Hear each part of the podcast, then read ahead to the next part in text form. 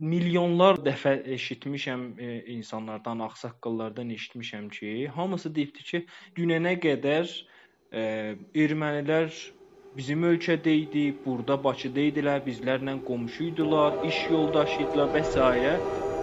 Nə oldu birdən? Nə baş verdi birdən? Bunların hamısı çöndü.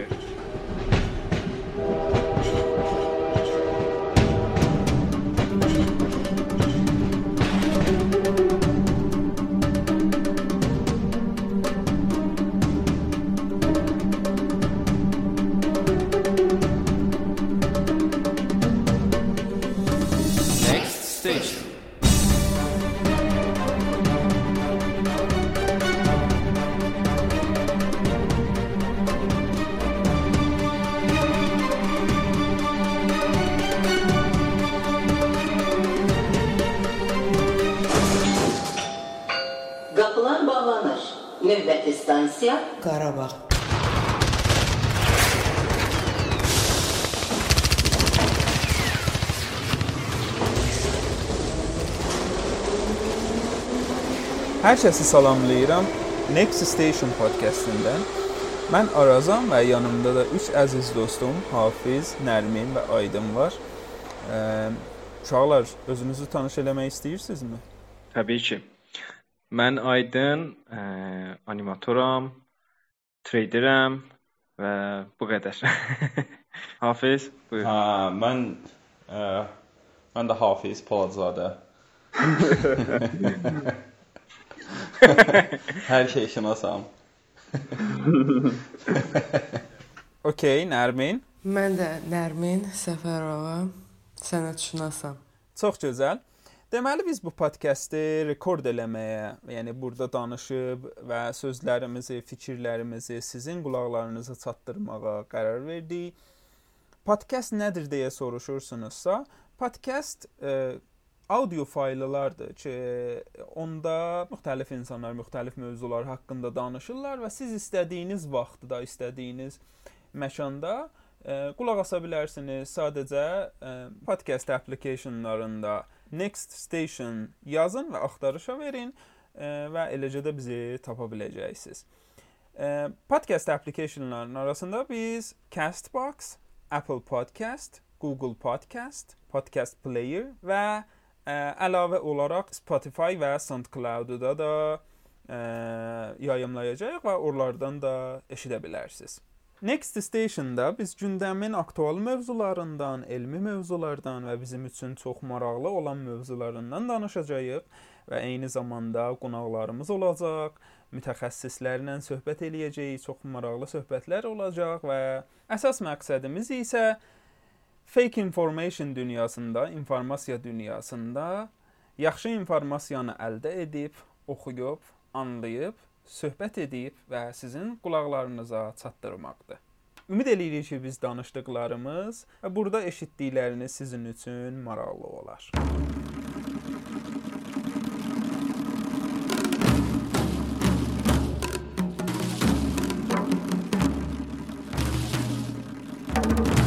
Başlamadan öncə iki məsələni aydınlaşdırmaq istəyirəm sizlərlə. Bir, ə, mən Azərbaycancanı çox yaxşı bacarmıram. Ona görə ləhcəm var və ə, ümid eləyirəm qüsurlarım sizi narahat etməz. Yəni qüsuruma baxmayın. İkinci məsələ isə biz bir-birimizdən uzaqda və dünyanın dörd müxtəlif nöqtəsindən bir-birimizlə danışıb və bu podkastı yazırıq.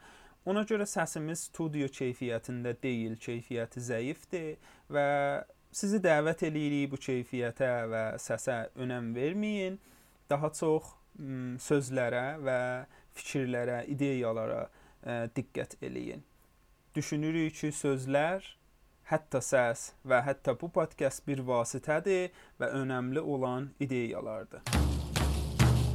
Əslində indiki hal-hazırdakı dünyamızda informasiya dünyanın ən güclü, ən böyük gücüdür daha doğrusu və harda informasiya, doğru informasiya vardısa, orada güc var, orada pul var, orada hər şey var, siyasət var və s.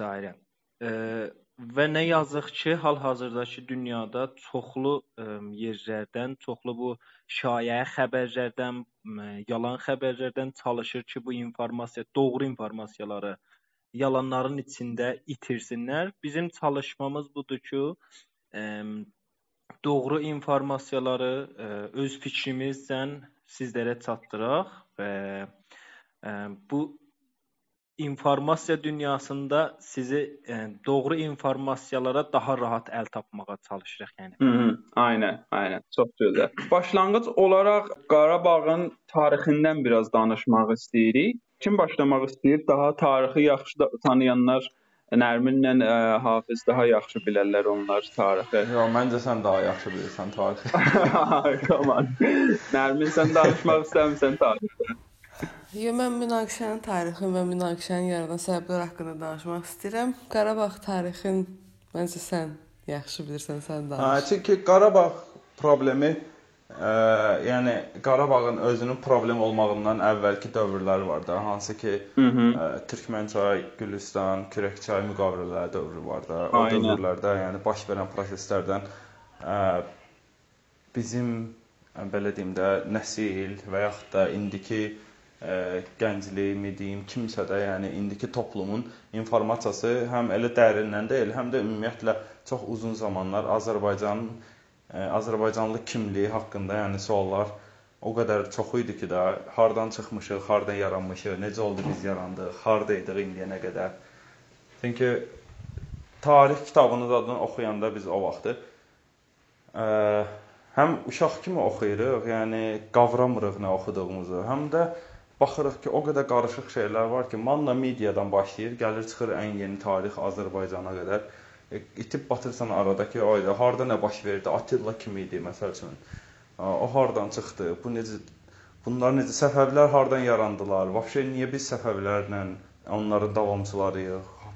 O qədər suallar yaranır ki, zamanla böyüdükcə sualları hə özün başlayırsan araşdırmağa, həm də indiki internet dünyasında resurslara əlin daha rahatdır da çatmağa. O vaxt kitabxanalara da, da getməli məcburiyyətində olurdu insanlar belə şeyləri araşdırmaq üçün.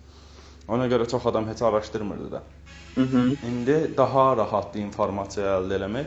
Amma ə, Aydın da dedi də bayaq ki, inform belə fake informasiya da o qədər çoxdur ki, həm də onun yayılma sürəti ə, doğru informasiyadan hardasa 4-6 dəfə daha sürətlidir. Aynen. Ona görə itib batır çox şey içəridə. Yəni, Məcbur olursan ki, necəsə ə, daha dərinə gedəsən ki, çıxardasan da harda itib o.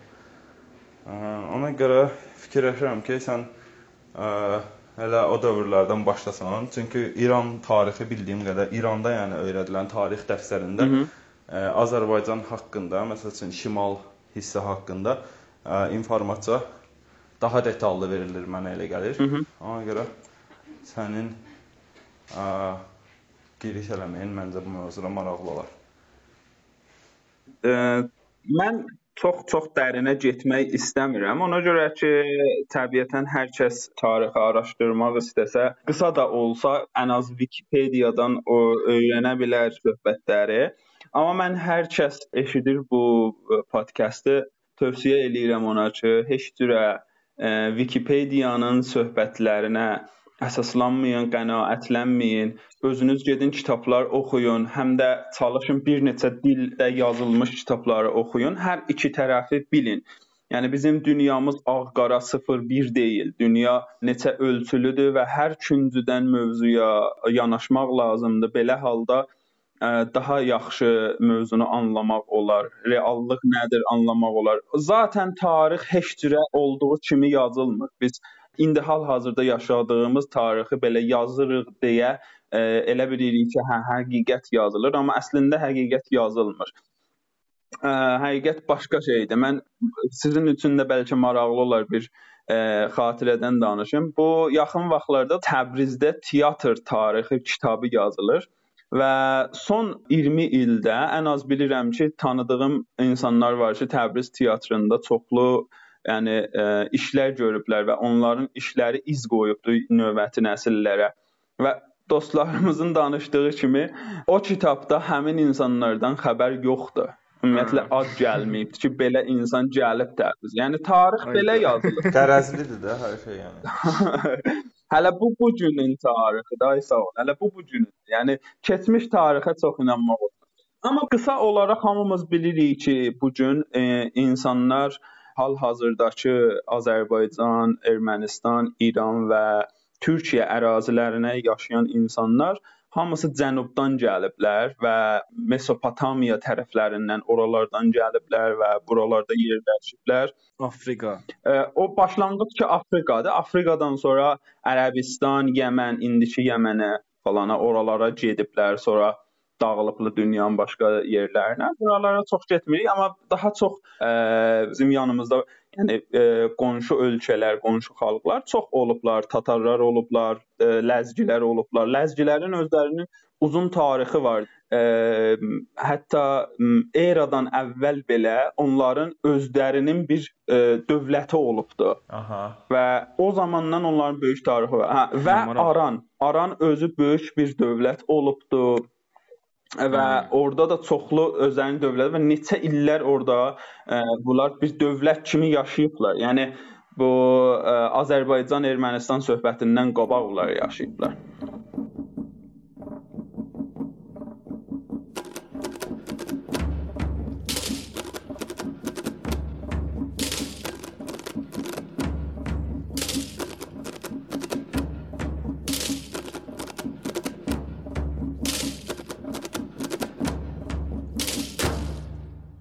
İnsanların arasında ə, yaradan əks fikirlər daha çox inanclardan gəlir. İnancılar insanları daha çox ayırır bir-birindən, ortalarından ə, sərhəd yaradır və bu sərhədlər də təbiətən daha çox ə, müharibələrə, döyüşlərə səbəb olur. Və tarixdə olan ə, müharibələr daha çox bu inanclardan, məsələn, dini nə qədər müharibə var.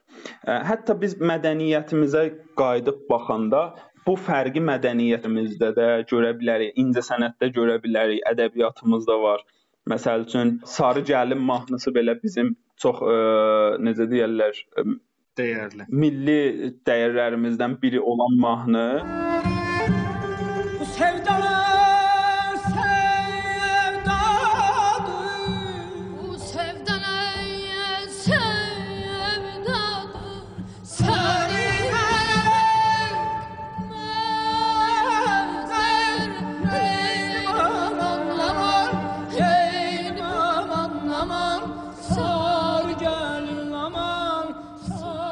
bu nə sevdadır, səni mənə verməzlər. Niyə səni mənə verməzlər? Ya yaxud ə, son zamanlarda Nino və ə, Ali. Ali və Nino. Ali və Nino xristian və müsəlman. Əs yəni əsli və Kərəmdə də var, əsli və Kərəmdə məsələn. Ay sağ ol, əsli və Kərəmdə də var. Ay sağ ol.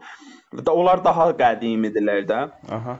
Yəni bunlar Xosro şeirin. Hə, ay sağ ol. Bunlar ilk e, insanların arasında yaradan fərqdirlər. Bu fərqləri yaradan şeylər əslində inanclardan gəlir birbaşda. Amma təbii ki, bu söhbətin bir tərəfi deyil. Bir tərəfdə təbiətən siyasətdir. İndi biraz arxaya qayıdıb baxsaq siyasətə, e, Rus çar dövrünün sonlarına yaxınlaşanda bizim xalqların arasında, yəni xalq dərkən həm ə, Azərbaycanlılardan söhbət gedir, həm türklərdən söhbət gedir, həm ermənilərdən və həm başqa xalqlar. Ə, biz biraz qaysaq arxaya, yəni Rus çar dövrünün axırlarına yaxınlaşanda görürük ki, böyük dövlətlərin ən çox ə, marağında olan bir məsələ balaca dövlətlərin güclənməməsidir. Yəni heç cürə bunlar balaca dövlətləri güclənməsini istəmirlər. Məsəl üçün 1917-ci ilin inqilabından sonra ki, bunlar ki, inqilab olur və o imperatorluq batır.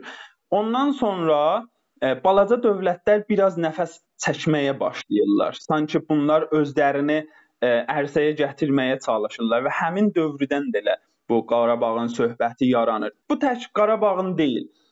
Həm Gürcüstanda var bu, həm e, İranda var, həm Türkiyədə var və həm Azərbaycanda var və həm Ermənistanda var. Rumıniya ilə Moldova arasında da var hətta. Ay sağ ol. Bəli, Ukraynada da var. Özbəkistanla Tacikistan arasında da var. Ay sağ ol, ay sağ ol. Və bu fərqi e, siyasət daha çox rəngləndiribdi, daha çox bold eləyibdi. Ona görə ki, onlar üçün də ə, sərf eləyir bu insanların arasında olan sərhəddin qalınlaşması. Yəni nə qədər bu sərhəd qalınlaşır bu xalqların arasında, daha çox onlara sərf eləyir. Yəni biz əslində dövlətləri qoyub qoymalıyıq qırağa, millətlərə baxmalıyıq. Və millətlərə baxıb, sonra millətləri də qoyub qırağa, insan kimi baxmalıyıq bunların hamısına. Yəni hamımız insanıq da, sonuzda mən də insanam, ə, rus da insandır, erməni də insandır. Sadəcə inancılar bizi fərqləndirib. O er, o xristianlığa inanır, mən nə bilim xalqlarım ina İslam'a inanır. Ə, bu birisi başqa dinə inanır. Yəni inancılar insanları bir-birindən ayırıb. Əslində hamımız insanıq da, hamımız e, bir-birimizin yaşayan e, yanında, kənarında yaşayan qonşular və dostlar o. Aha. Bu ərazilərdə yaşayan xalqlar e, sanki ərsəyə gəlib öz sözlərini demək istəyirlər. Aha, bizim də biz də artıq müstəqil olmalıyıq. Azərbaycanda müstəqillik elan olunur. Gürcüstan həmçinin, Ermənistan həmçinin və Bu tərəfdən də Türkiyədə Osmanlılar artıq sona ərirlər. Sonlarda məsəl Bakı döyüşləri ki 1918-ci ildə baş verir. Bakı döyüşlərin e, zamanında e, Osmanlılar çox işlər görürlər e, Qafqazda. Mən fikirləşdim ki, bəli, Rus imperiyası Azərbaycanda vətəndaş müharibəsi salır. Al bu qırışını, qırğının qarşısını almaq mümkün deyil. Nə üçün mümkün deyil?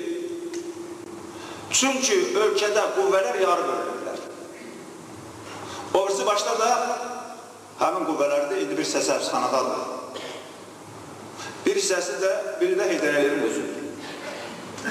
Bunu gətirib ya bu hakimiyyətə şərik edəcəksən ki, qar tökməsin, bunun mahiyyəti budur. Hakimiyyətə şərik edirsən ki, vətəndaş mühafizə qutarsın. Başqa yolu yoxdur.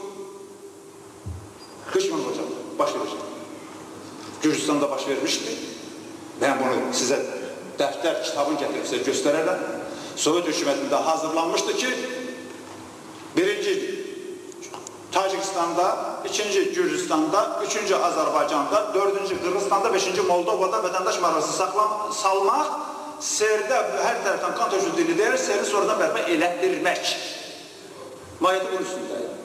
19-cu əsrdən artıq başlamışdı bu məsələlərin kökü qoyulmağa, hansı ki Pyotr başladı. Pyotrun ümumiyyətlə bir belə bir xəyalı var idi ki, o mədəni bir cəmiyyət yaratsın Rusiyada. Çünki ruslar özləri də çox geridə qalmış xalqlar, millətlər idi və ə, Avropaya baxırdı, görürdü ki, hə bunlar inkişaf edirlər və bunların inkişaf eləmə səbəbləri nə idi?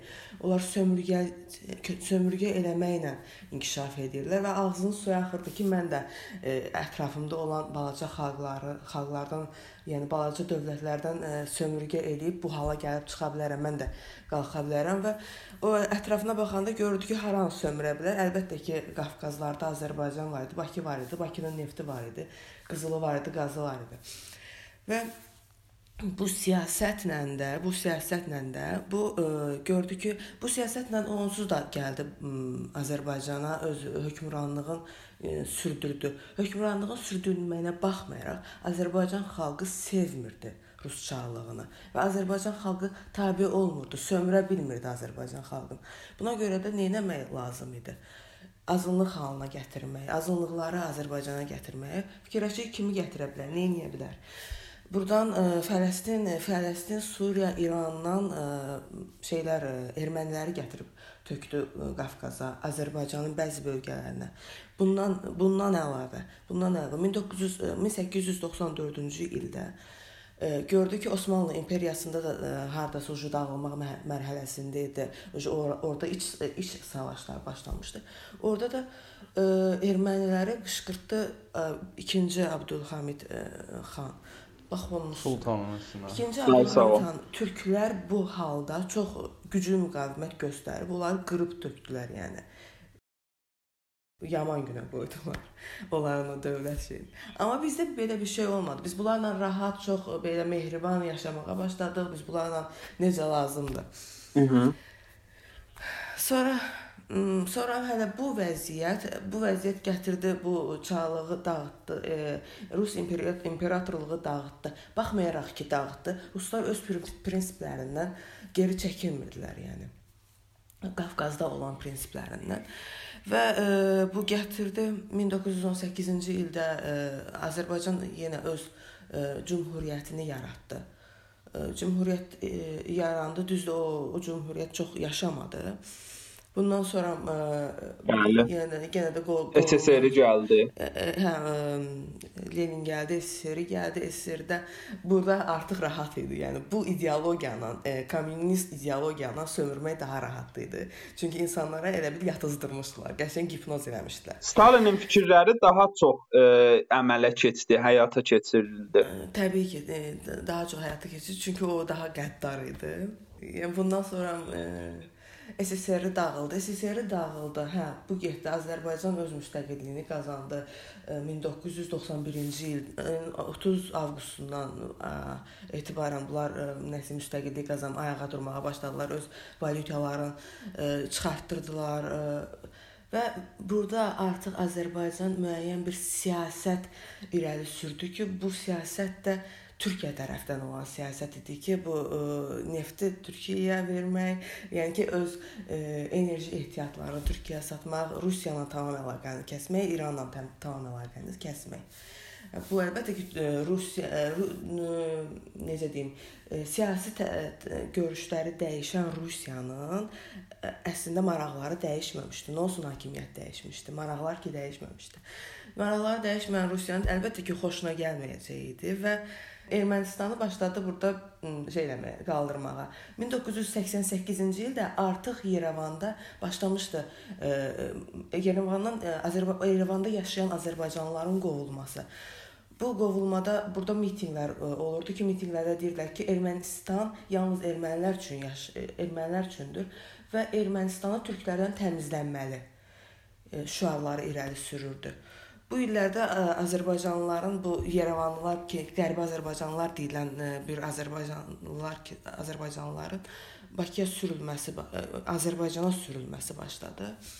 Və bundan sonra ə, 91 bundan sonra artıq ə, ermənilər ə, Dağlıq Qarabağda haqq iddia etməyə başladılar. Bu haqq iddia etməsi onsuz Stalinin vaxtından var idi. Stalin Stalin orada ə, e, icazə verməmişdi. O demişdi ki, ə, e, Dağlıq Qarabağ Azərbaycan tərkibində saxlanılsın. Bu Azərbaycanın təsdiq SSR bunu təsdiq eləmişdi ki, Azərbaycanın tərkibindədir. Bəli. Sonra da amma erməniləri dəstəkləyirdilər müharibə zamanı. Müharibə zamanı ermənilər dəstəkləyirlər. Çünki Dəqiqdir. Azərbaycanı təbii ki, e, yenə də əl altında saxlamaq lazım idi. Azərbaycanın bir zəif damarını tutmaq lazım idi. Yəni qəsdən əslində bu işi görürlər. Yəni bunlar hamısı ə, e, qəsdən olan bir şeydir. Hə, bir yandan da axı e, İran hökuməti ilə ə, e, bu e, Türkmənçay müqa müqaviləsi ki bağlandı, ona yerləri e, SSR qaytarmaq istəmirdi. Onun səbəbi də vardı. Yəni müqavilə bitəndən sonra torpaqlar qayıtmalı idilər də. Hə, təbii ki, o səbəblər də var idi. Ay sağ 150 il müqavilə var idi. 150 il bitəndən sonra qayıtmalı idi torpaqlar. Hə bu bu vaxtda, yəni bu dövrlərdə də artıq o 1991-ci ildə Azərbaycan 91-31 avqustda Azərbaycan öz müstəqilliyini qazandı. Bu ilin 2 sentyabr tarixində ermənilər Xocavənd Hadruta Hadruta hücum edib oradakı insanları qırdılar və oranı işğal altına saldılar. Bunu yenə istədilər başladılar, yenə e, bu sülh müqaviləsi yazılsın, barışsınlar nənəsinə. Yenə xeyri yoxdur. Hər bir e, söhbətdən sonra ermənilər harasa girib oranı işğal edirdilər. Və bu 1992-ci ildə ə, e, artıq ə, açıq şəkildə ruslar Ermənistana tərəf erməni qoşunları ilə bir yerdə Xocalıya 26 fevralda Xocalıya ə, hücum elədilər. Və burada ə, sivil insanlara əməlli başlı soyqırım törədildi və eyni zamanda 93-cü e, illərə, 94-cü illərə qədər Dağlıq Qarabağ 7 rayon və Dağlıq e, da, da, Dağlıq Qarabağ işğal altına alındı. Və, və 27 e, ildir də artıq bu işğal davam eləyir. Mən xatırlayıram 91-ci ilin əvvəlində fevral ayında mən ilk dəfə Ali Sovetin sessiyasında gəlib çıxış edərkən ürəyim yanırdı.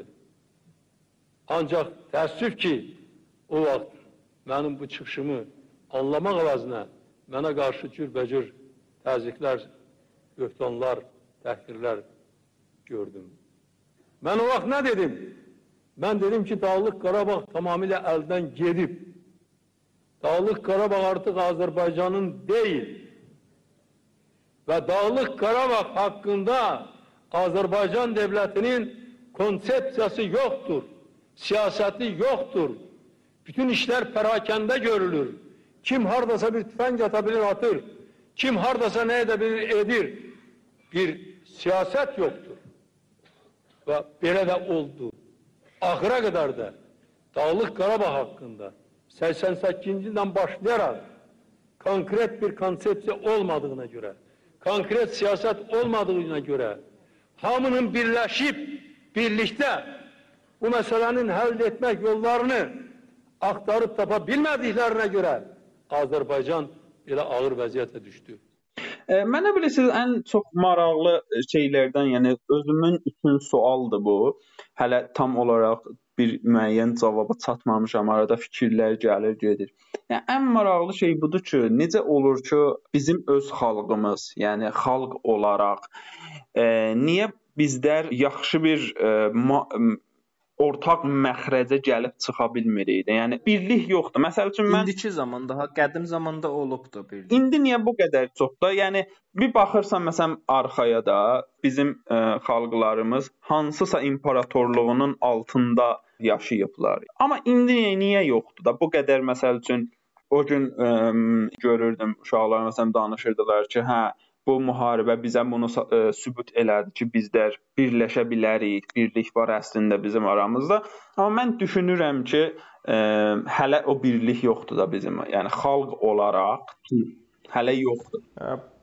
Bu birlik bilirsən nəyə oxşayır? Yəni bir dənə yad planetdə hücum eləsə yer kürəsinə, bütün yer kürəsinin əhalisi birləşəcək. Ermənilər Azərbaycanla bir yan-yana dayanıb başlayacaqlar yad planetlərə qarşı vuruşmağa da. Başa düşürsən? Ay yəni. sağ ol, aynen. Yəni Ay, bu o birlik deyil də. Birlik deyəndə yəni bu nəzərdə tutulmur. E, birlik odur ki, insanlar bir-birlərinə kommunikasiya quranda, ünsiyyət əlaqə quranda bir-birlərini anlayışla, yəni qəbul edirlər. Yəni qarşı tərəf danışanda oturub hamı gözləyir ki, o ekspert fikirlərini bildirir. Halbuki Yəni heç kim ekspert olmaq məcburiyyətində deyil də bir şey haqqında fikir bildirmək üçün. Və bu bütün sahələrə, bütün insanlara, bütün söhbətlərə əl, belə deyim də tətbiq oluna bilər.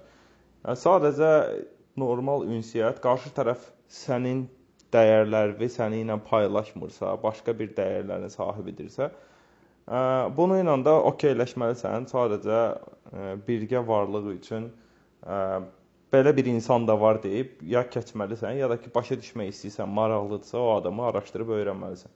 Yoxsa ə, e, hər ə, e, əks fikirdə ə, e, belə deyim də qəddarlaşmaq, qarşı tərəfə ciddi aqressiya nümayiş etdirmək və bunu ilə ə, özünün daha üstün olduğunu göstərmək çox mənasızdır. Yəni nəticə etibarilə bayaqki mövzuya qayıdırıq. Hamımız insanıq və hamımız öləcəyik. Aynen. biz sadəcə daha yaxşı bir şey istəyiriksə, özümüz də daha yaxşı e, belə deyim də münasibət göstərməliyik. Ona görə birlik yoxdur. Birlik də belə şeylər, yəni nə bilim, mən mən düşünürəm ki, belə şeylər təhsillə e, çox bağlı olan şeylərdir. Yəni tərbiyə, təhsil bunlar birinci faktorlardır ki, insanlar bir-birlərinə hələ əlaqə qurub danışa, anlaşa bilsinlər. Hı -hı. Ondan sonra hansısa ciddi məsələləri müzakirə edib konfliktləri həll etməyə çalışa bilərlər. Mən bir nöqtəyə toxunmaq istəyirəm. Bizlər yaxşı və pisdən danışırıq. İnsanların niyə belə olduğundan danışırıq. Amma bunu nəzərdə almalıyıq ki, insan heç vaxt e, heç bir insan ikisi birlikdə e, eyni olmayıblar və həm hər zaman fərqli olublar və bu fərqlilik əslində pis deyil. Çünki pis və yaxşı anlayışı bizlərin ə, düşüncəmizə, bizim mədəniyyətimizə, inanclarımıza və s. çox şeylərə bağlıdır və iminli xarici bir şey deyil ki, məsələn deyək ki, bu qapıdır, bu divardır. Yox, ə, bir anlayışdır və hər insanda bu fərqli anlayışdır və Hə, yəni material bir şey deyil də, yəni, abstrakt yəni, bir şeydir. Hə. və və bu ə, fərqliliklər əslində hər zaman var və olmalıdır. Bu gərəklidir. Sadəcə onu anlayışla qarşılamalıyıq. Bu təbiətin bir hissəsidir. Təbiətin tələbidir onsuz da bu. Yəni hər şey fərqli olmalıdır təbiətdə. Hə, tutalım ki, bu ailə arası olsun, ictimada, siyasətdə, hər yerdə bu vardı. Bu fərqliliklər olmalıdır mütləq. Amma ki biz bunları ölçü qoyaraq, ə, niyə sən mənim kimi deyilsən? Niyə sən mənim idealımdakı adam kimi deyilsən suallarını verdikcə ə, öz bir-birimizin arasında məhv. Bir, Məhv edirik hər şey. Bir-birimizin Uçurum yaradırıq. şeyləri, hə, uçurumlar yaranır.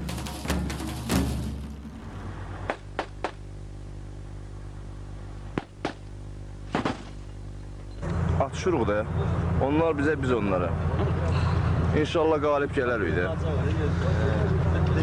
İndi bax bu qalib gəlmək üçün sizcə əsas nə çatışmır bizə? Əsas bizə qüvvə lazımdır. Bizim o cavanlar qoy gəlsin, birləşsin bizə. Əlbir olaq bu torpaq uğrunda vuruşaq. Biz Bakıya gedirik. Çoxlu spesialistlər lazımdır. Hansı ki, bu texnikadan baş çıxanlar, yaxşı Qaçıb gizlənməsinlər. yaxşı silah atanlar, hamısı gəlməlidir bura, yığışsınlar bura. Çox istəyərdik. Uşaqlar, bəs bax Birlik bu olsa hər şey olacaqdı. Biz bunun axırına çıxacağıq. Eləyəcəyik ki, burada düzən də ədalət, haqq, ədalət hamısı qalib gələcəkdir. Mən yəni fikirləşirdim ki, müharibə nədir və Niyə baş verir? Nə, nə üçün baş verir? Hə, bunun tərifini izah eləyəm.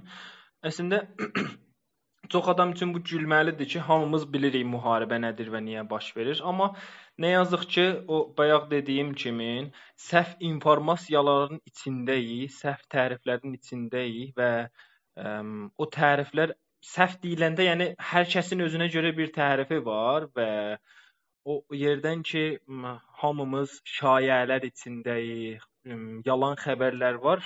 Bu təriflərin bəzisi düz deyil və bunları təkrar düşünmək lazımdır.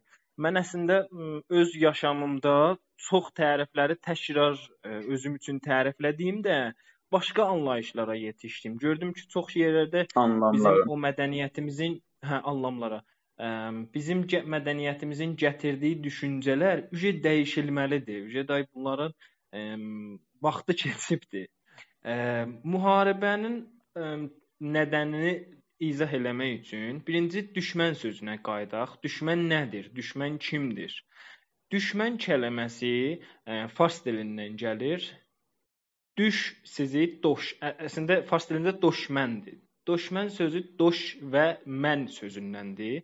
Doş pis deməkdir, dışlamaq sözündəndir. Mən isə ə, mahiyyətdir və ə, toplumda olur pis mahiyyətli, pis mahiyyətli, pis düşüncəli. Və düşmən kimdir? Düşmən o adamdır ki, bizim pisimizə, bizim ziyanımıza, bizim ə, xeyrimizə olmayan şeyləri düşünür. Mən Bakıda olduğum zaman, Azərbaycanda olduğum zaman ə, milyonlarla dəfə eşitmişəm ə, insanlardan, ağsaqqallardan eşitmişəm ki, hamısı deyibdi ki, biz dünənə qədər ə, ermənilər bizim ölkədə idi, burada Bakıda idilər, bizlərlə qonşu idilər, iş yoldaşı idilər və s. Nə oldu birdən? Nə baş verdi birdən? Bunların hamısı çöndü. Bu bir sualdır ki, mütləq buna təkrar düşünməliyik ki, bir millət, toplum olaraq ə, niyə birdən bizlərlə düşmən oldu? Bir toplum niyə bir başqa toplumlar ə, düşmən ola bilər? Bunun heç bir məntiqi cavabı yoxdur, məgər siyasət, siyasi şeylər. Mhm. Sonra müharibənin nədənliyini istəyirəm açıqlayam. Müharibə ə, Yenə fars dilində, mən fars dilindən misal verirəm, çünki ona çox yaxşı ə, bacarıram və ondan yaxşı misallar çəkə bilərəm. Ə, müharibə sözü fars dilində cəng idi. Cəng Hind-Avropa m, kəlməsidir. Yəni qədim Hind, hə, Hind-Avropa ə, terminindəndir. Orda qəng deyilirmiş. Bu həmin kəlmədir ki, sonralar dəyişilib, çevrilib ə, köhnə alman dilində gang adına ə, sözünə çevrilir və İngilis dilində də bir dənə gangs var. e? Aha, aha, elə onu istəyirəm deyəm. O həmin alman köhnə alman dilindən gəlibdi və o alman dilində gang getmək mənasındadır. Hətta gangster sözü də həmin yerdən gəlibdi. Və cəng əslində getmək və ə, harasa yetişmək ceyindədir. Har bir hərəkət, fəaliyyət halında olmaq ceyindədir. Müharibənin özü isə ə, düşmənin bəzi istədiklərimizi etməsi üçün zorla və ya silahla edilə biləcəyi şey ed edilən bir toplum fəaliyyətidir. Hı -hı. Və bu fəaliyyətdə baxın iki kəlmə işlətdim. Zorla və silahla. Ə, əslində millətlər öz arasında heç bir zoru xoşlamırlar. Heç bir silahları yoxdur ki, bir-birinə ceyləsinlər. Bunlar yenə siyasətə qayıdırlar. Və bu siyasətdir ki, bizə ə, e, müharibələri əslində eləyir, gətirir. Ə, gətirir. Və müharibənin niyə baş verməsində bura çatırıq ki, müharibənin hər zaman böyük səbəbi, hər zaman ki yox, ə, böyük səbəbi ki yox, üzr istəyirəm. Ə, əsl səbəbi, ən böyük səbəbi bu olubdur ki, hökumətlər, bir sıra insanlar bizə hökm eləmək istəyirlər və bu hökm eləmək eləmək istəyən insanlar ə, istəyirlər ki, biz bir-birimizlə xoş olmayaq, bir-birimizlə yaxşı münasibətdə olmayaq və s. ki, indi iləri söhbətlərdə mən daha bunu bu söhbəti açıqlayacağam və ə, onda ay daha aydın olacaqdır ki, ə, niyə biz niyə bu siyasətlər, niyə bu sistem ki başımızın üstündə var, bizləri bir-birimizə düşmən etmək istəyir. Nərmin bir, bir sıra maraqlı fikirləri var bu haqqda. Nərmin, e, sən nə düşünürsən? Ümumiyyətlə Yəni necə oldu da bu ermənilər və türklər düşdülər bir-birlərinin canına? Ermənilərin türklər, ermənilərlə türklər bir-birinin canına düşməzdi əgər Rusiyanın türk qorxusu olmasaydı. Mhm. Türklərin başını ha nə iləsə qatmalı idi. Yəni biz biz türklərin başını, eyni zamanda Osmanlı türklərinin başını bu Rusiya nə iləsə qatmalı idi və onların qabağına atdı Aha. bu erməniləri. Ermənilərdə də belə bir xasiyyət, erməni terroristlərini, onlar erməni çetələri deyirdilər. Və bu erməni terroristlər gəlirdi bu şey xalqın içərisində, ə, sivillərin içərisində terror edirdilər, öldürürdülər. Öldürəndən sonra da çıxırdı hə bu, e, bu ermənilərin adınadır. Artıq o xalqda başlayırdı ermənilərə qarşı e, düşmənçilik yaratmağa. Necə ki indi Bərdədə, Gəncədə terror eləmirlər. Sivillərə qarşı e, sivilləri öldürmürlər. Artıq bu Gəncəlilər, Bərdəlilər eyni zamanda bizdə, biz türklərin bir düşmən kimi baxırıq da ona. Axı sən bizim mənim sivilimi öldürmüsən. Mən sənin qisasını almalıyam. Hı -hı. Və bu prinsiplə də artıq bu davam edir. Yəni müharibə müharibə ə, e, çərçivəsində belə, yəni ə, e, necə deyim, müharibə vaxtında belə müharibə olmayanda belə, yəni ermənilərlə ə, türklər o qədər də yaxşı olmayıblar. Çünki Ermənistanın, ermənilərin həmişə ideyalarında bir şey olub ki, onların kimsə başını anladıb ki, böyük Ermənistan olmalıdır. Böyük Ermənistan xəyallarından yaşayıblar onlar. Və onlara görə də biz onların torpaqlarını tutmuşuq. Nəinki biz Anadolu türklərindən tutmuş Orta Asiyaya qədər. Amma bəzi şeylər vardı ki, indi hal-hazırda, yəni bizim özümüz üçün çox maraqlı olur da. Məsəl üçün dostum deyirdi ki, mən ə, nə hansısa başqa bir rayonda anadan olmuşam. Yəni heç vaxt Qarabağ görməmişəm. Ümumiyyətlə bilməmişəm Qarabağ nədir. Amma Qarabağ söhbəti gələndə, yəni vətən adı gələndə, yaxud torpaq adı gələndə qanım qaynayır da, hə, coşuram. Necə olur ki, məsələ bu hardan gəlir? Travmadır, travma. Travmadır onlar hamısı. Uşaq vaxtından bizim travmalarımızdır. Bilirsən necədir? Məsələn biz burada vuruşuruq, düzdür? Hə. Gedirik, qayıdırıq Bakıya. Bakıda heç kim bilmir burada nə vəziyyət gedir. Bilmirlər. Elə bilirlər ki, nədir indi biz oturmuşuq orada, bunlar atır, biz atırıq. Yox, belə deyil. Adam elə baxırlar. Gəlib o meyitləri görsələr burada, inandırım sizə ki, bütün orada millət qalmasa hamısı tökülər bura. O cavanlar var, e, o yaşayanlar var, məsələn, buranın əhalisi var. Mən məsələn buralı deyiləm, özüm Ceyran atanda qaldım.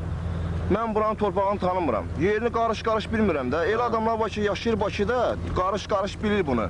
Onlar gəlsin bizə bura köməyə. Əl-ələ belə işləyək də qardaş. Bir dənə də o siyasi o işlə məşğul olanlara demək istəyirəm ki, bu siyasəti qoysunlar qırağa, hələ bizə bu vacib deyil. Birinci növbə bizə lazımdır torpaq. Torpaq. Siyasət o boş şeydir, o təzədən Gələn vaxtı O yüz də bilirsiniz, hamı da bilir ki, bu dəqiqə Bakıda stol davası gedir, qutarı getdi. Burada döyüşləyə yollar orada stol da var. Aynen öyle. Ha? Onsuz da bu verilişə ekranda ermənilər də baxır. Onlar qoy eşitsinlər ki, ermənilər bilsin ki, onsuz da bunun axırı yoxdur. Onların axırına çıxacağıq. Qoy ona əmin olsunlar. O bilsinlər ki, böyük erməni dövləti yaratmaq onlara qismət olmayacaq. Nədən ki, Azərbaycanlılar oradan qovurlar bura, onlar hamısı buradan gedəcək. Bu sözləri eşidəndə heç birimiz bilmirdik ki, bir neçə dəqiqədən sonra ermənilərin bu pozisiyaya güclü atəşi başlayacaq. Belindən tutma uşaqlar, belindən, belindən. Aşağıdan kömək eləyin, tez eləyin. Tez olun. Qoy bu üstünə. Siz keçin, də, siz keçin.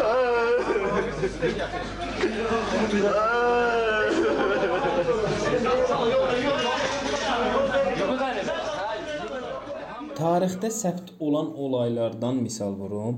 ABŞ 1-ci və 2-ci Dünya müharibəsi və hətta Vyetnam müharibəsinə daxil olması tamamilə Amerika hökumətinin dəstəyi ilə və istəyi ilə baş veribdi. Bu düşüncəni tarixdə təkrar-təkrar görə bilərik. Hər zaman dövlətlər, kartellər, sistemlər, orqanlar və s. istəyiblər ki, hansısa müharibəyə daxil olunsun.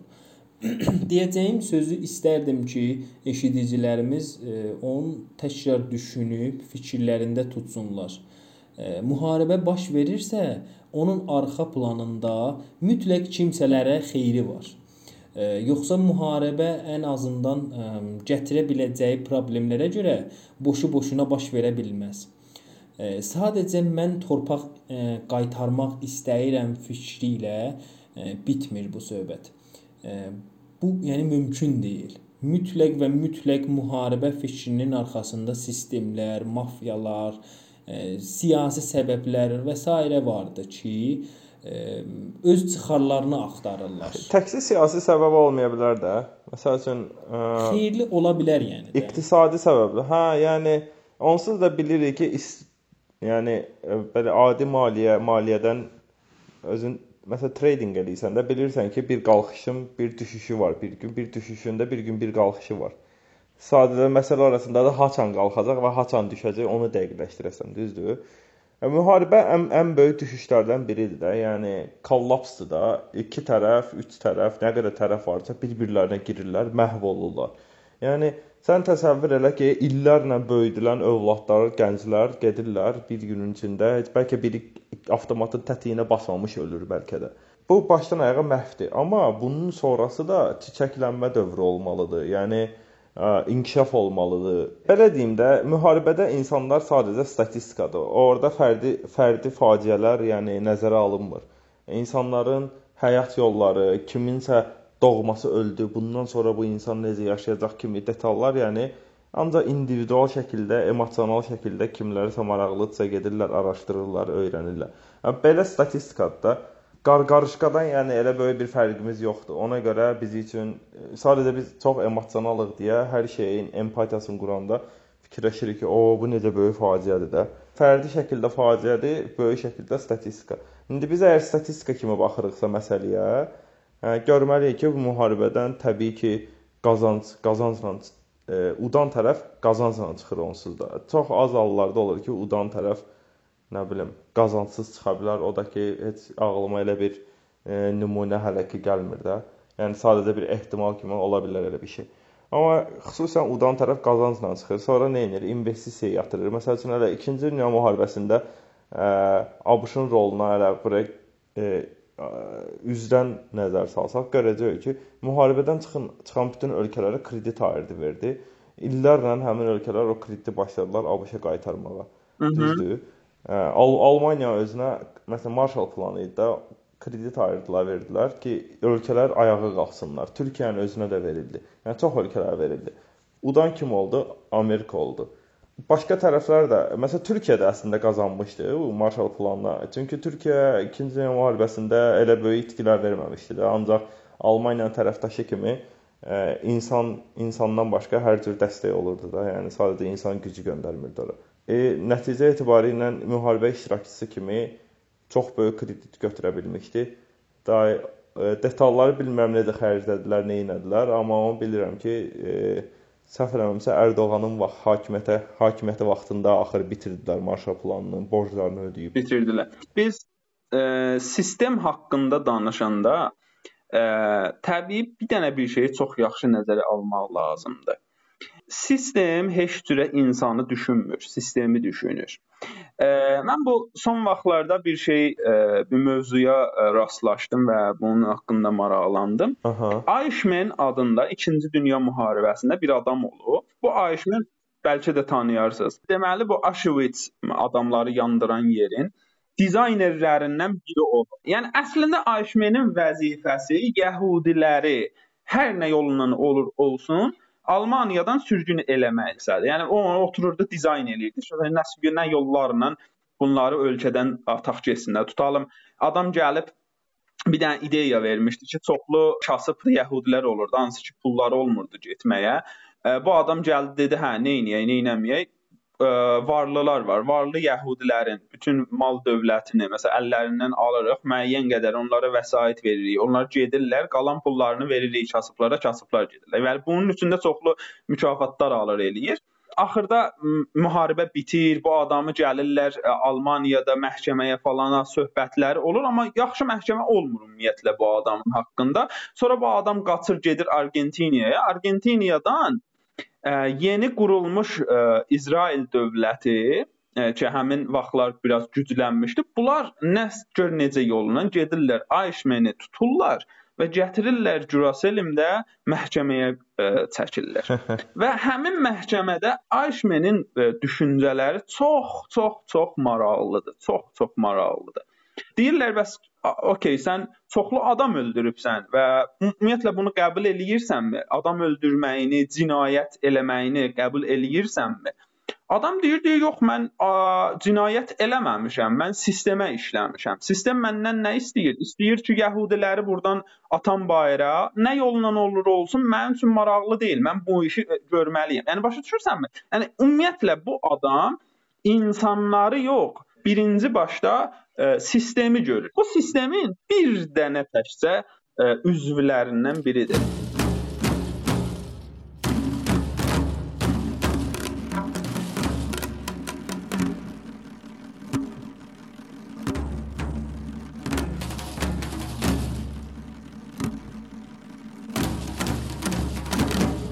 Sistem özü yaxşı bilir ki, ə, müharibələr əslində olmalıdır ki, o ə, zibillər, lazımsız şeylər hamısı silinsin, getsin və yerdə qalanlar, o güclü yerdə qalanlar ə, çiçəklənməyə başlasın. Daha doğrusu sistem restarta ehtiyacı olanda müharibə başladır. Bəli, bəli. Yəni hətta məsəl üçün ə, bayaq söhbət elədiyimiz kimi Stalinin Orta Asiyada yeritdiyi məqsəd özəlliklə Qafqazda olan məqsədləri, məsəl üçün Gürcüstandan Abxaziya və ə, o birisinin adı nə idi? Osetiya deyirdin sən. Osetiya, Osetiya, ay sağ ol. Hə, Gürcüstanda yəni 2 dənə o ə, ərazilər Gürcüstandan ayrılır.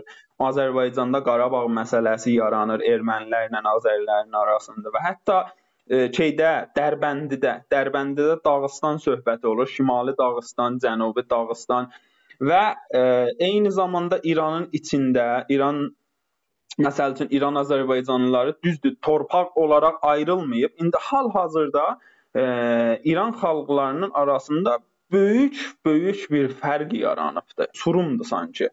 Bu uçurum o qədər dərindir ki, heç kəs yaxınlaşa bilmir. Mən arada girirəm məsəl üçün xəbərlərin altında yazılan ə, kommentləri oxuyuram. Görürəm ki, ağzından çıxanı farslara yazır, ağzından çıxanı türk kürdlərə yazır.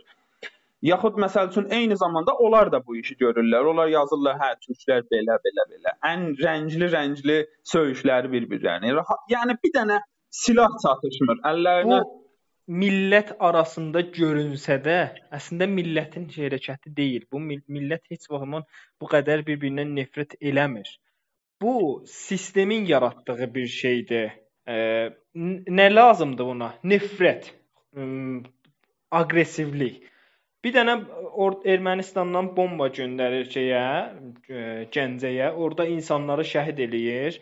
Bu istər-istəməz insanların qanın qaynadır. İnsanlar nəysələr paylaşır Instagramda və o dəqiqə sistemin adamları, o adamlar ki, iminli bu iş üçün hazırlanıblar, keçirlər 2 dənə komment qoyurlar, 2 dənə söyüş yazırlar və o söyüşün ardı dayanmır da. Ücə gəlir, istər-istəməz gəlir.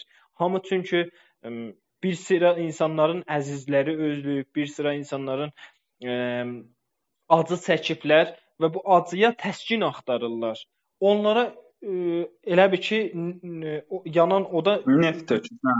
Neft tökür, hə. Hı. E, çox yaxşı şeylər dedin.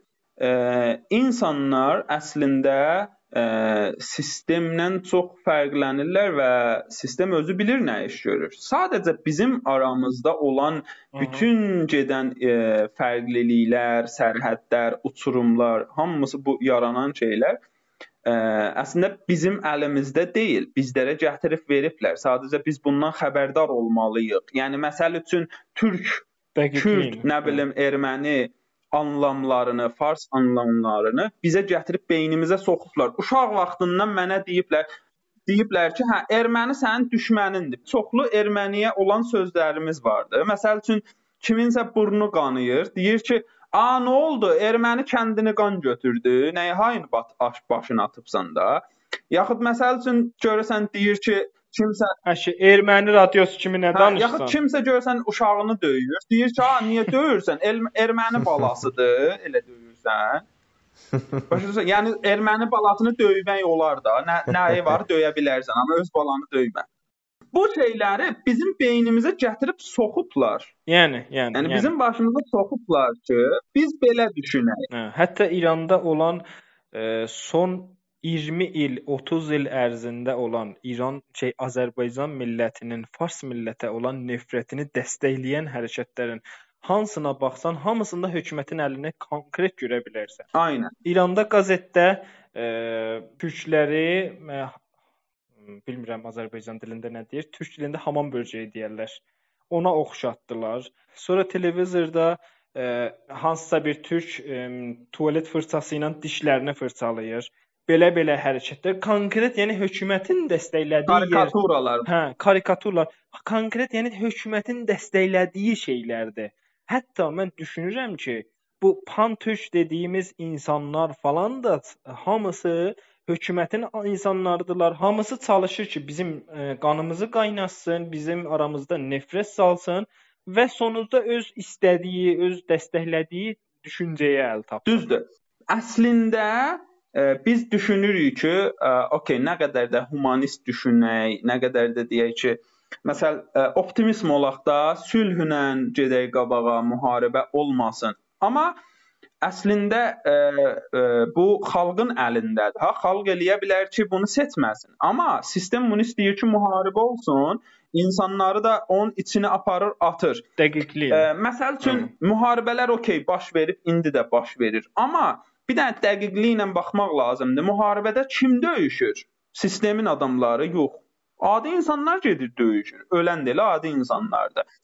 Auschwitz-də işləyən insanlar olublar, hansı ki Alman hökumətinə xidmət eləyiblər. Hitler nə istəyibsə, onlar da eləyiblər. Yəni sənin düşündüyün şeyin standartları nə olmalıdır? E, Hitlerin qəbul etdiyi şeylər olmalıdır. Bu standartları qəbul eləməlisən. Bu adamların hamısının seçimi olubdu. Məsəl üçün müharibə başlamamışdan qabaq bu insanları öldürmək üçün, yəni o ə, e, şeylərdə, kürələrdə yandırmaq üçün gəliblər adam seçələr, deyiblər kim eləmək istəyir, bəs belə bir şey olacaq, belə gəlib yandırmalısınız, plan eləməlisiniz. Yəni hər kəs istəyirsə gəlsin, istəmirsə gəlməsin. İnsanların hamısının seçimi olubdu. Onlar seçiblər ki, gedib insanları öldürsünlər. Elədir, elədir, yəni, elədir, elədir. Sistem əslində işini görür. Sa yəni sistem öz nifrətini yayır o cəmiyyəyə və sonra yəni, Hitler özü se seçimlə demokratik seçimlə gəlib də hakimiyyətə öz ə, dövründə. Ona görə yəni sistem sistem nədir? Sistem o xalq dediyimizi, xalq çoxlu fərdlərdən ibarətdir. Bunların ortaq bir fikri olmalıdır. Yox, sistemin mövzusu başqadır. Sistemə başqa bir epizodda tam dəqiqliklə toxunmaq istərəm mən. Hə, 100%. Bilmirəm siz nə düşünürsüz? Yəni Maraqlı çox olar. uzun söhbətdir onun. Çox mənim düşüncəm çoxdur o haqqda. Çox informasiya Ha, mən də razıyam o Biz söhbəti. indi danışanda, söhbət eləyəndə sistemi e, xalqdan ayırırıq. Başa düşürəm niyə ayırırıq əslində. Yəni toplumdan ayırırıq. Halbuki yəni o sistem dediyimiz bir qurum, e, ya bir funksiya xalqı təmsil etməlidir. Yəni çoxlu fərdlərin istəklərini təmsil etməlidir. Yəni həyata keçirməlidir. Bu bu indi iki e, anlayış arasında Hı -hı. funksional problem yaranır. Yəni xalqın istədiyi, okey, xalq deyir Qarabağı istəyirəm, məsəl üçün. Sistem deyir, ə, okey, düz deyirsən, biz də istəyirik də. Yəni bu option bizim ümumi problemimizdir. Bizə də sərf edir. Hə. E, xalq deyir ki, mən bunu sülhlə də istəyirəm, müharibə ilə də istəyirəm, fərq eləmir, amma mən istəyirəm. Təbii ki, sülhlə olsa daha yaxşı olar da, heç kim ölməz. Hə, sistem də başlayır bunu deməyə. Burada indi problem onda bilsən harda yaranır? Problem yaranır ki, ə, bu elə bir konfliktdir ki, tək səni ilə qarşı tərəf arasında deyil. Burada başqa tərəflər də olub, var. E, qarşı tərəfin xalqı nə istəyir bəs başa düşürsən? Yəni sən tutaq ki, xalqın sülh istəyir, sistemin də sülh istəyir, amma qarşı tərəfin xalqı sülh istəyir, sistem istəmir. Yəni necə necə dil tapacaqsan bəs indi bu insanlarla? Ya nə bilim, xalq da heç istəmir, başa düşdün? Deyir, "A mən heç sülh istəmirəm." Ya da sülh deyəndə altında başqa fikirləri var. Deyir ki, "Ya beləncə olsun." Yəni biz belə istəyirik. O fikirlər o qədər yəni toqquşur ki bir-biri ilə. Görürsən ki, ə, heç burada xalqlar da bəlkə onu istəmirlər, başa düşürsən? Yəni xal xalqlar da bəlkə başqa şey istəyirlər. Artıq insanlar nə istədiyində ucu itirlər. Ə, aləm deyir bir-birinə. Yaxşı, yaxşı diplomatlar olmalıdır. Çox yaxşı diplomatlar, çox ağıllı insanlar olmalıdırlar ki, ə, qan tökülmədən müasir dövrdə yəni məsələləri həll eləsinlər. Bunun üçün həm biz tərəfdən, həm qarşı tərəfdən ağıllı adamlar olmalı idi. Hər iki tərəfin, hər iki xalqın, millətin e, birgə yaşaması üçün işlər görülməli idi. Yəni məntiqlə. E, durub yəni boş-boş vətən vətənşüvənliyi izad eləmək, yox bu torpaq 2000 il bizim olub, nə bilim o vaxtı biz yaşamışıq. Siz sonra gəl. Yəni bunlar çox mənasız söhbətlərdir. Çünki biz bizim indiki reallığımız başqa cürdür də. Biz ə, başa düşürük ki, dünyada insanlar artıq bir-birinə güllə atıb öldürmürlər. Yəni başa düşürük ki, e, öldürürlər, e, yəni nə mənada? Köhnə dövrlərdəki kimi müharibələr getmir də. İndi müharibələr daha ağıllı gedir. Daha çox böyük dövlətlər bir-birləri ilə heç vaxt üzbəüz, yəni açıq meydanda üzbəüz gəlmirlər böyük ölkələr bir-birlərinə. O mu balaca axmaq xalqların ərazilərində bir-birlərinə vuruşurlar məsələn. Yaxşı, ə, söhbət çox uzun çəkir. Ə, mən istəyirəm burada bu epizodu sona gətirək və davamını gedək başqa epizodda eləyək. Ə, option biz Qarabağın münaqişəsi tarixindən danışdıq və insanların arasında yaranan sərhədlərin səbəblərindən danışdıq. Ermənilərin, türklərin və başqa xalqların ə, necə bir-birinin arasında münaqişə yaranmasından danışdıq, sistemdən çox balaca danışdıq. Çox sağ olun bizi eşitdiyiniz üçün. Əgər xoşladınızsa sözlərimiz sizin üçün faydalı oldusa, ə, mütləq ə, bizi dostlarınıza təklif eləyin. Elə bu eşitdiyiniz həmin yerdən linkini dostlarınıza göndərin. Apple Podcast, Castbox, Google Podcast və Spotify kimi platformalardan bizi eşidə bilərsiniz. Bu podkastı hər 2 həftədən bir ə, yayımlayacağıq və siz hər yerdən ki bunu eşidirsiniz, elə həmin burada da bizə fikirlərinizi bildirə bilərsiniz. Bir fikirləriniz bizim üçün çox çox önəmlidir və mütləq bizə fikirlərinizi bildirin və sizi növbəti epizodda qarşılamaq ümidi ilə çox sağ olun.